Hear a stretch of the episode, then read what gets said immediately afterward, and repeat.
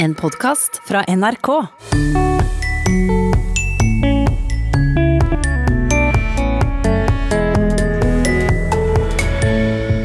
Loven i hånd verner advokater og politikere om det franske språket. En fransk lov lyder dock i offisielle sammanhang måste just det franska språket användas. Nå får vi snart en egen språklov, og flere politikere mener et brudd på den må få følger. Hvis vi skal ha et språkråd, så mener jeg også at vi bør kunne ha sanksjonsmuligheter. Vi trenger sterkere virkemidler, kanskje særlig et lite land som Norge. Visste du at ordet radbrekke opprinnelig kommer fra en grusom straffemetode? Ja, vi, vi får be sarte lyttere om å skru lyden litt ned. Vel møtt til Språkteigen. Språklig stolthet og vern av et språk er altså hovedtema i Språkteigen i dag. For hvor langt kan, eller bør, et land gå i å verne om språket sitt, og med hvilke virkemidler? Jeg mener jo det at vi trenger sterkere virkemidler, eh, kanskje særlig et lite land som Norge, for å beskytte eh, språket vårt. Eh, Jeg er nok villig til å gå litt lenger enn de aller fleste antakeligvis, men det er jo nettopp fordi at jeg mener at språket vårt er en så viktig identitetsmarkør. Slik svarer to politikere i Norge, som vi skal høre mer fra etter hvert. Men vi skal starte i Frankrike. Der blomstra språkdebatten tidligere i år da fransk TV valgte en sang på engelsk til å representere landet i Eurovisjonens sangkonkurranse. Konkurransen ble avlyst på grunn av koronarestriksjoner, men språkdebatten fortsatte. Og det er ikke første gang at det protesteres mot at engelsk tas i bruk i stedet for fransk i internasjonal sammenheng. Det ble stor oppstandelse da et engelsk slagord for Paris-OL 2024 ble hengt opp på Eiffeltårnet i 2017. Paris 2024. Made for sharing. Made for sharing fikk dere ikke sitte oppe lenge på Eiffeltornet. Så store ble protestene av allmennheten og av betydende kulturpersonligheter. Bernard Pivot, en av Frankrikes mest kjente litterære journalister, ble rasande. Et c'est une erreur, bah, c'est une, bah, c'est une faute contre la langue française qui est une langue olympique. Det är ett allvarligt fel att franska myndigheter låtit misshandla det franska språket, säger Bernard Pivot i en intervju med fransk radio. En fransk lov lyder dock. I officiella sammanhang måste just det franska språket användas. Den kallas för Toubon-loven efter politikern Jacques Toubon som lät stifta den 1994. La langue de la République est le français, dit l'article 2 de la Constitution.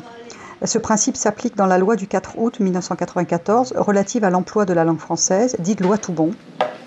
Det var i och med globaliseringen som engelskan växte lavinartat i Frankrike, berättar här Gabriel Le Taillec, språkprofessor vid ett av Paris många universitet. Euh, et c'est à, partir de 1992 que euh, l'on a observé l'arrivée massive de l'anglais. Ibland tar olika språkorganisationer till juridisk hjälp för det franska språkets räkning. Annars är det svårt att få bort slagorden på engelska. Ofta dyker de också upp i reklamvärlden. Advokat Emmanuel Ludo i staden Reims fikk gripe inn efter protestene mot OL-mottot Made for sharing. Ça a fait débat, je suis bien placé pour en parler, puisque moi qui suis à l'initiative d'une action contre effectivement les organisateurs des Jeux Olympiques de 2024. Och advokaten lyckades på bara någon vecka få bort mottot på engelska. Puisque j'ai fait supprimer euh, la formule qui se trouvait sur la Tour Eiffel. Det handlar inte om chauvinism utan om respekt för vårt eget franska språk, säger han. Et c'est pas du chauvinisme, loin de là. Loven som förespråkar franskan tillämpas alltså inte alltid. Till exempel valde fransk TV en sång på 80% på engelska till Melodi Grand Prix-finalen i år. Och det orsakade folkstorm. You, you are the best in me. You're making it all complete. You are, you are, you are. Frankrike har inte vunnit tävlingen sedan 1977 och på TV hade någon fått för sig att sång på engelska skulle öka landets chanser att vinna. Men även där ingrep samme advokat Emmanuel Ludo. On a obtenu de notre ministre de la Culture Då Eurovision Song Contest tar en paus under 2020 på grund av coronaviruset får sångaren Tom Lebb inte tävla med sin The Best In Me, som förresten några svenska kompositörer skrivit. Man vet alltså inte om engelska språket skulle ha hjälpt Frankrike till seger i tävlingen. Advokaten Emmanuel Ludo säger sig dock ha vunnit en språkseger. Prennent l'engagement d'imposer pour l'année prochaine euh, une chanson intégralement française. Ja, sången har lett till en så het debatt i Frankrike att vi nu har fått med oss kulturdepartementet, säger han. Från och med nästa år blir det obligatoriskt sång på franska i Grand Prix. Det där vill jag gärna kolla upp. Så, riktning nationalförsamlingen på Paris vänstra strand vid flode. Efter en rad säkerhetskontroller kom jag fram till ledamoten Bruno Studer som arbetar för president Macrons regeringsparti, Republiken på väg. Je, je- je n'ai absolument rien contre euh, les langues de mes voisins, de mes concitoyens européens. Jag är inte emot andra språk, som norska eller engelska, säger han. Men Je pense que quand on représente la France, il faut chanter en français. ska man representera Frankrike i Grand Prix så ska man sjunga på franska, anser han. Så inför nästa år så ska regeln med obligatorisk sång på franska träda i kraft, lovar han. Bruno Studer arbetar i allmänhet med att uppmuntra skapandet av nya franska ord. Ouais, je me suis battu pour qu'on arrête de parler de fake news.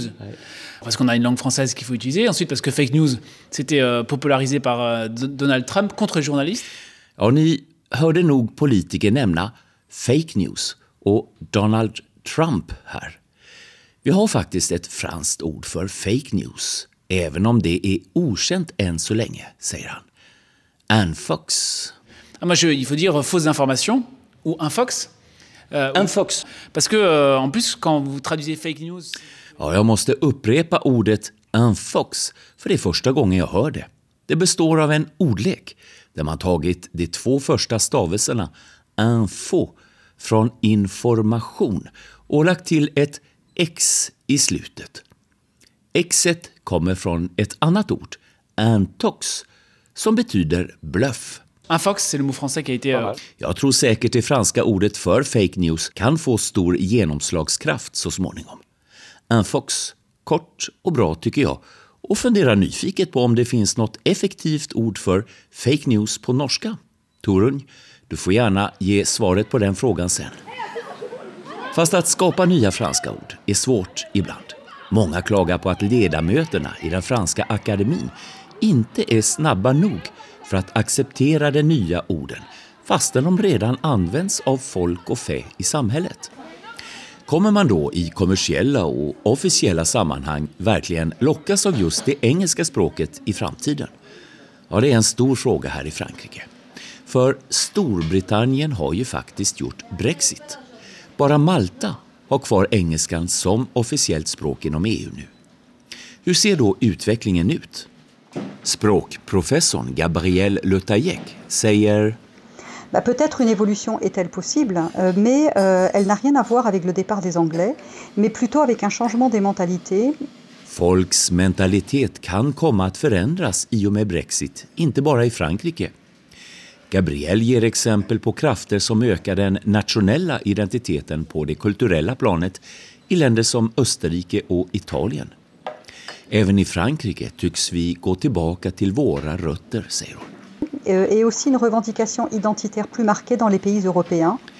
Även om vi får ett annat globalt arbetsspråk i internationella och kommersiella sammanhang i framtiden så bör man dock inse att det främst är på sitt eget modersmål man bäst försvarar sitt eget lands intressen, menar hon. Mais c'est vrai que dès qu'il faut creuser les sujets et élaborer des textes, la langue originale, par exemple le français, reste la langue de référence. Reporter i Frankrike, det var Johan Tolgert.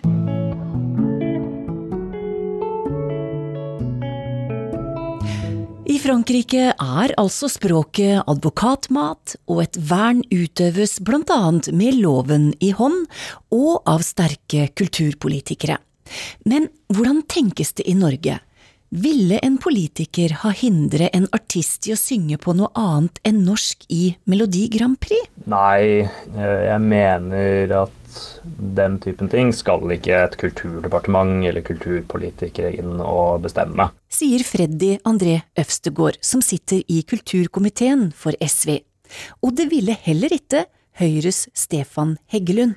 Nei, så langt uh, tror jeg nok ikke ville gått. Men jeg har uh, sympati for at uh, man i Frankrike ønsker å ha også OL-slagord på sitt eget språk. Det har jeg absolutt.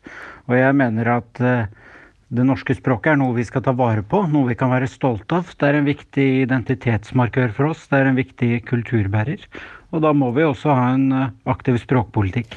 Heggelund er ikke partiets talsmann i kultur- eller språksaker. Han sitter i energi- og miljøkomiteen, men han har markert seg som en særs ivrig tilhenger av norsk språk. Så hvor langt ville han ha gått i sitt vern av språket? Lenger enn de fleste, tror jeg. det skal vi få høre mer om. Men fra politikere og til den institusjonen som er satt til å passe på språket vårt, Språkrådet. Ville direktør Åse Vetås hatt mulighet til å stanse en sang? Nei, det vil jeg ikke. Og vi har i Norge heller ingen tradisjon for å lovregulere språket i kulturuttrykk og ytringer av denne typen. Men hvis vi tar det andre eksempelet, et OL i Norge da, det kunne jo veldig raskt fått et engelsk slagord. Og da er vi litt sånn i grenselandet mellom kommersiell og, og offentlig øh, virksomhet. Og kunne du ha stoppa det, da? Og hadde det vært ønskelig? Jeg kunne nok ikke ha stoppa det heller, for eh, et sånn et lovverk som det det er aktuelt å eh, etablere på språkfeltet i Norge, vil ikke, vil, vil ikke regulere det. Men Eh, det ville være naturlig, mener jeg, å stille krav til de som da skulle arrangere OL i Norge, om at de eh, brukte det som en mulighet til å òg fremme norsk språk. Spørsmålet om vern av det norske språket er spesielt interessant nettopp i vår, fordi det endelige forslaget til ny språklov snart skal legges fram for Stortinget. Lovforslaget ble presentert av daværende kulturminister Trine Skei Grande i fjor høst, og har vært ute på høring. Lovforslaget gir et sterkere vern, men ikke sterkt nok, mener Freddy Øvstegård. Jeg mener alle de eksemplene vi har sett, med Oslo Met og Equinor og Vy og andre eksempler i nyere tid på hvordan man eh, ikke ikke eh, bruker det gode norske språket vårt eh, på en, eh, en god måte i f.eks. offentlige virksomheter, det, det, viser at vi trenger et sterkere vern. Så jeg mener at vi trenger en språklov som også har en sanksjonsmulighet hvor Språkrådet faktisk kan gi en reaksjon når uh, man kommer over den typen uh, eksempler. Da. Hvorfor det?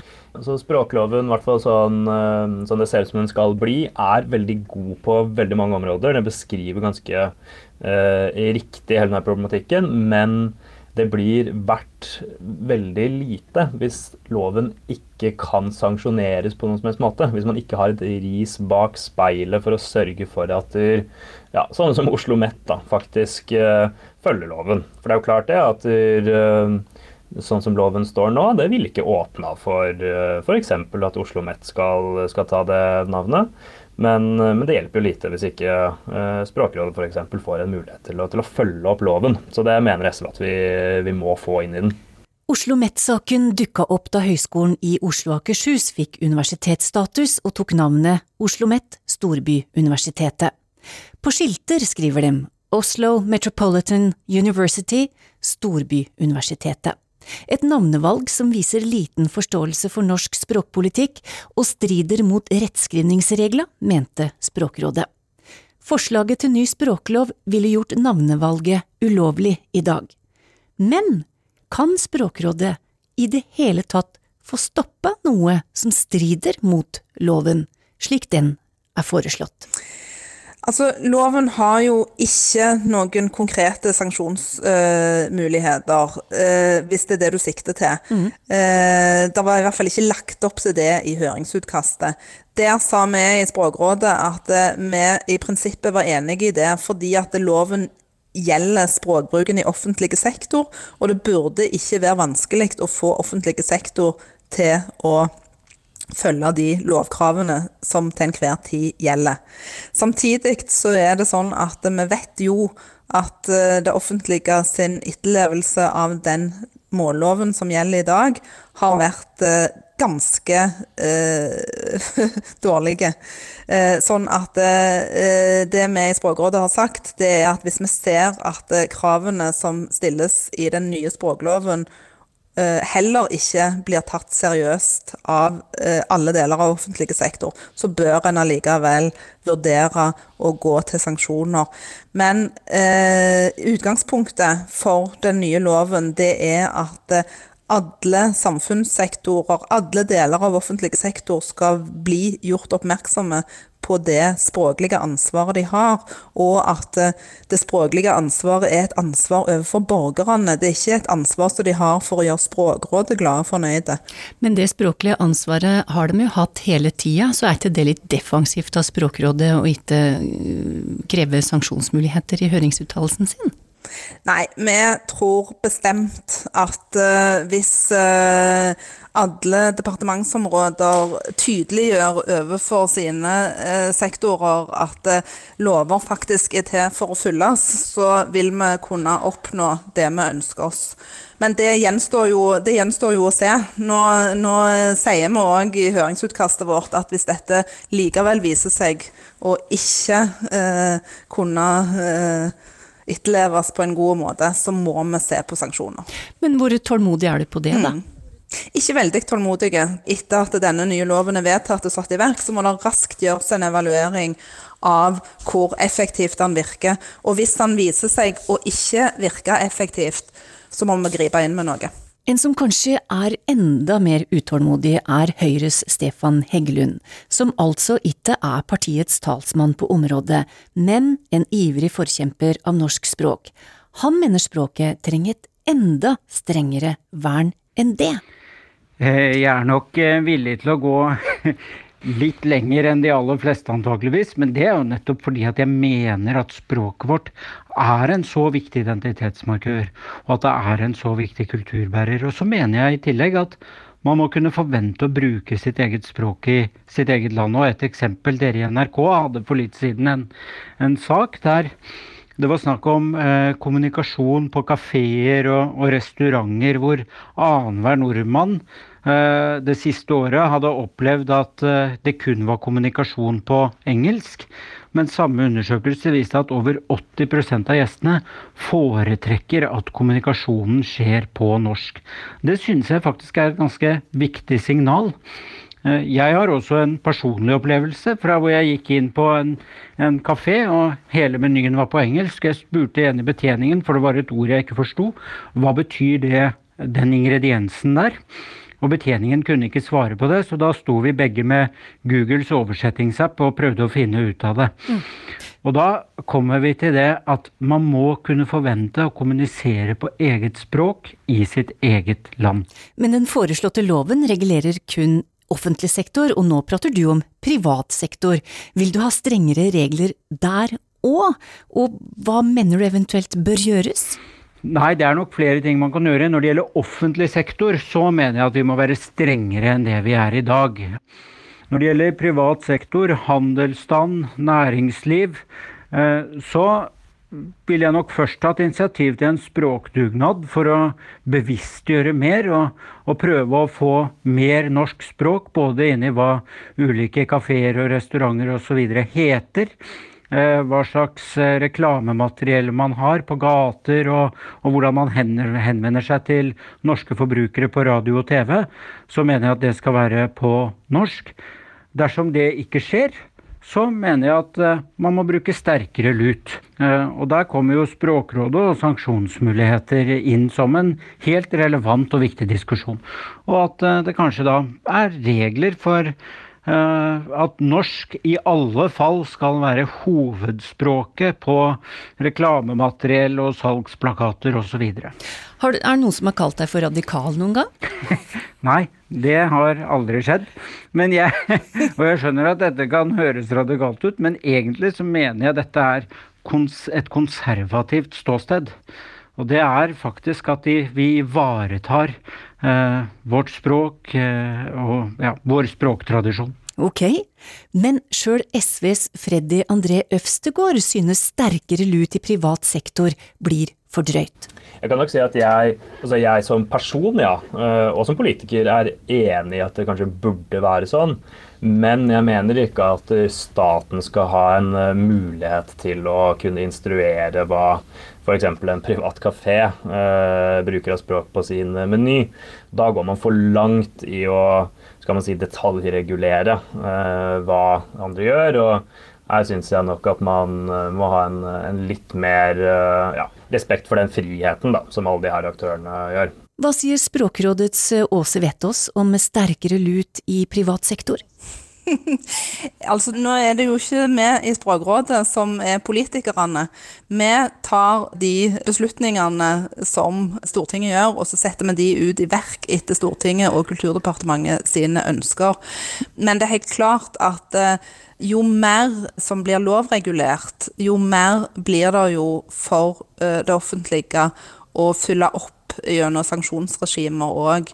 Så en fornuftig blanding av lovregulering og uh, stimulering til bruk av det vi rett og slett ønsker oss, nemlig uh, et livskraftig norsk språk, det vil nok være det som er mest realistisk å kunne få til. Eh, og så ser vi jo i andre land og i andre byer at eh, det blir iverksatt særtiltak. F.eks. så har de i Amsterdam lagt eh, eh, noen regler som skal forby butikker i sentrum å annonsere eh, på andre språk enn nederlandsk, rett og slett å, som et virkemiddel for å dempe turistengelsken der. Altså de vil ta tilbake igjen det nederlandske språket i bykjernen i Amsterdam. Og Sånne ting går det jo òg an å tenke på, for all del. Men det må være noe politikerne eh, blir enige om, i så fall. Da sier jeg se til Nederland. Der gjør de noe som er riktig. Det sa Stefan Heggelund, stortingspolitiker for Høyre, men her først og fremst ivrig verner av norsk språk. Språkteigen har prøvd å få en kommentar til den nye språkloven fra nåværende kulturminister Abid Q. Raja. Han svarer i en e-post at språkloven etter planen skal legges fram for Stortinget i løpet av våren, og at det derfor er for tidlig for han å kommentere på innholdet. Men han synes det er fint at lovforslaget skaper engasjement, og ser fram til å diskutere det når tida er inne for det. Og til slutt, svar til reporter Johan Tolgert Nei, vi har ikke et enkelt lite ord for fake news på norsk, slik de har lansert i Frankrike. Men falske nyheter ble kåra til årets nyord av Språkrådet i 2017, og det har slått an blant språkbrukere.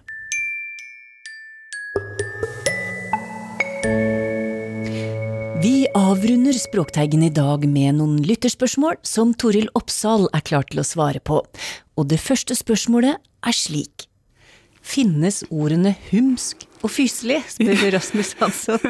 ja, glimrende spørsmål. Uh, uh, ja, uh, vi kan jo starte med fyselig. Altså, ja. Dette er et ord som du finner både i nynorskordboka, Det norske akademiets ordbok har fyselig med, så, så, dette her er nok definitivt belagt og i bruk til dels. Mm. og fyselig har da betydningen tiltalende, hyggelig og tekkelig, men, men grunnen til at Rasmus Hansson spør om dette, er vel at han stort sett har hørt varianten med prefikset u, altså ufyselig. Ja. Og det er helt klart mye mer utbredt. Eh, og det er jo, betydningen der er jo nær sagt motbydelig i alle sine fasetter. Så, så, ja da, ja takk fyselig, og definitivt ufyselig. Uh, humsk, ja. det er alltid, så vidt jeg har klart å finne ut av, merka med 'forelda'. Eh, så det er et ord som har gått ut av bruk. Eh, og da blir det jo mer på å si et filosofisk spørsmål om det er et ord. Ja. Og det vil jeg jo si at det er, men, men det, er, det, er, i liten grad i bruk. Eh, opprinnelsen til humsk, ja. det er faktisk eh, skal vi tilbake til norrøn tid igjen, og det er eh, et ord som betyr noe sånn som skumring. Eh, så der har vi noe som er litt mørkt og litt mystisk, kanskje. Eh, og det har blitt brukt i betydningen skitten. Eh, men fascinerende nok så har det jo fortsatt den betydningen når vi legger til dette her prefikset u. Så uhumsk, det, det bruker vi. Ja. Yes. Og da har det betydningen nettopp uren, ekkel, og noen vil kanskje også bruke det om noe som ja, nær sagt er umoralsk, kanskje. Mm. Men er det ikke ofte sånn med disse u-ordene at det har vært et ord etterpå som Eh, som fantes før, men som har gått ut? Ja, det er et mønster vi i hvert fall kan kjenne igjen. Og, så, det er jo festlig å spekulere om det er, om det er oss, men, men, det er jo fascinerende at det da gjerne er disse u- og negative variantene som, som, som fortsetter å leve. Ja. Hva kommer ordet radbrekke fra, spør Trond, og han vet at det kan være en litt sjokkerende forklaring.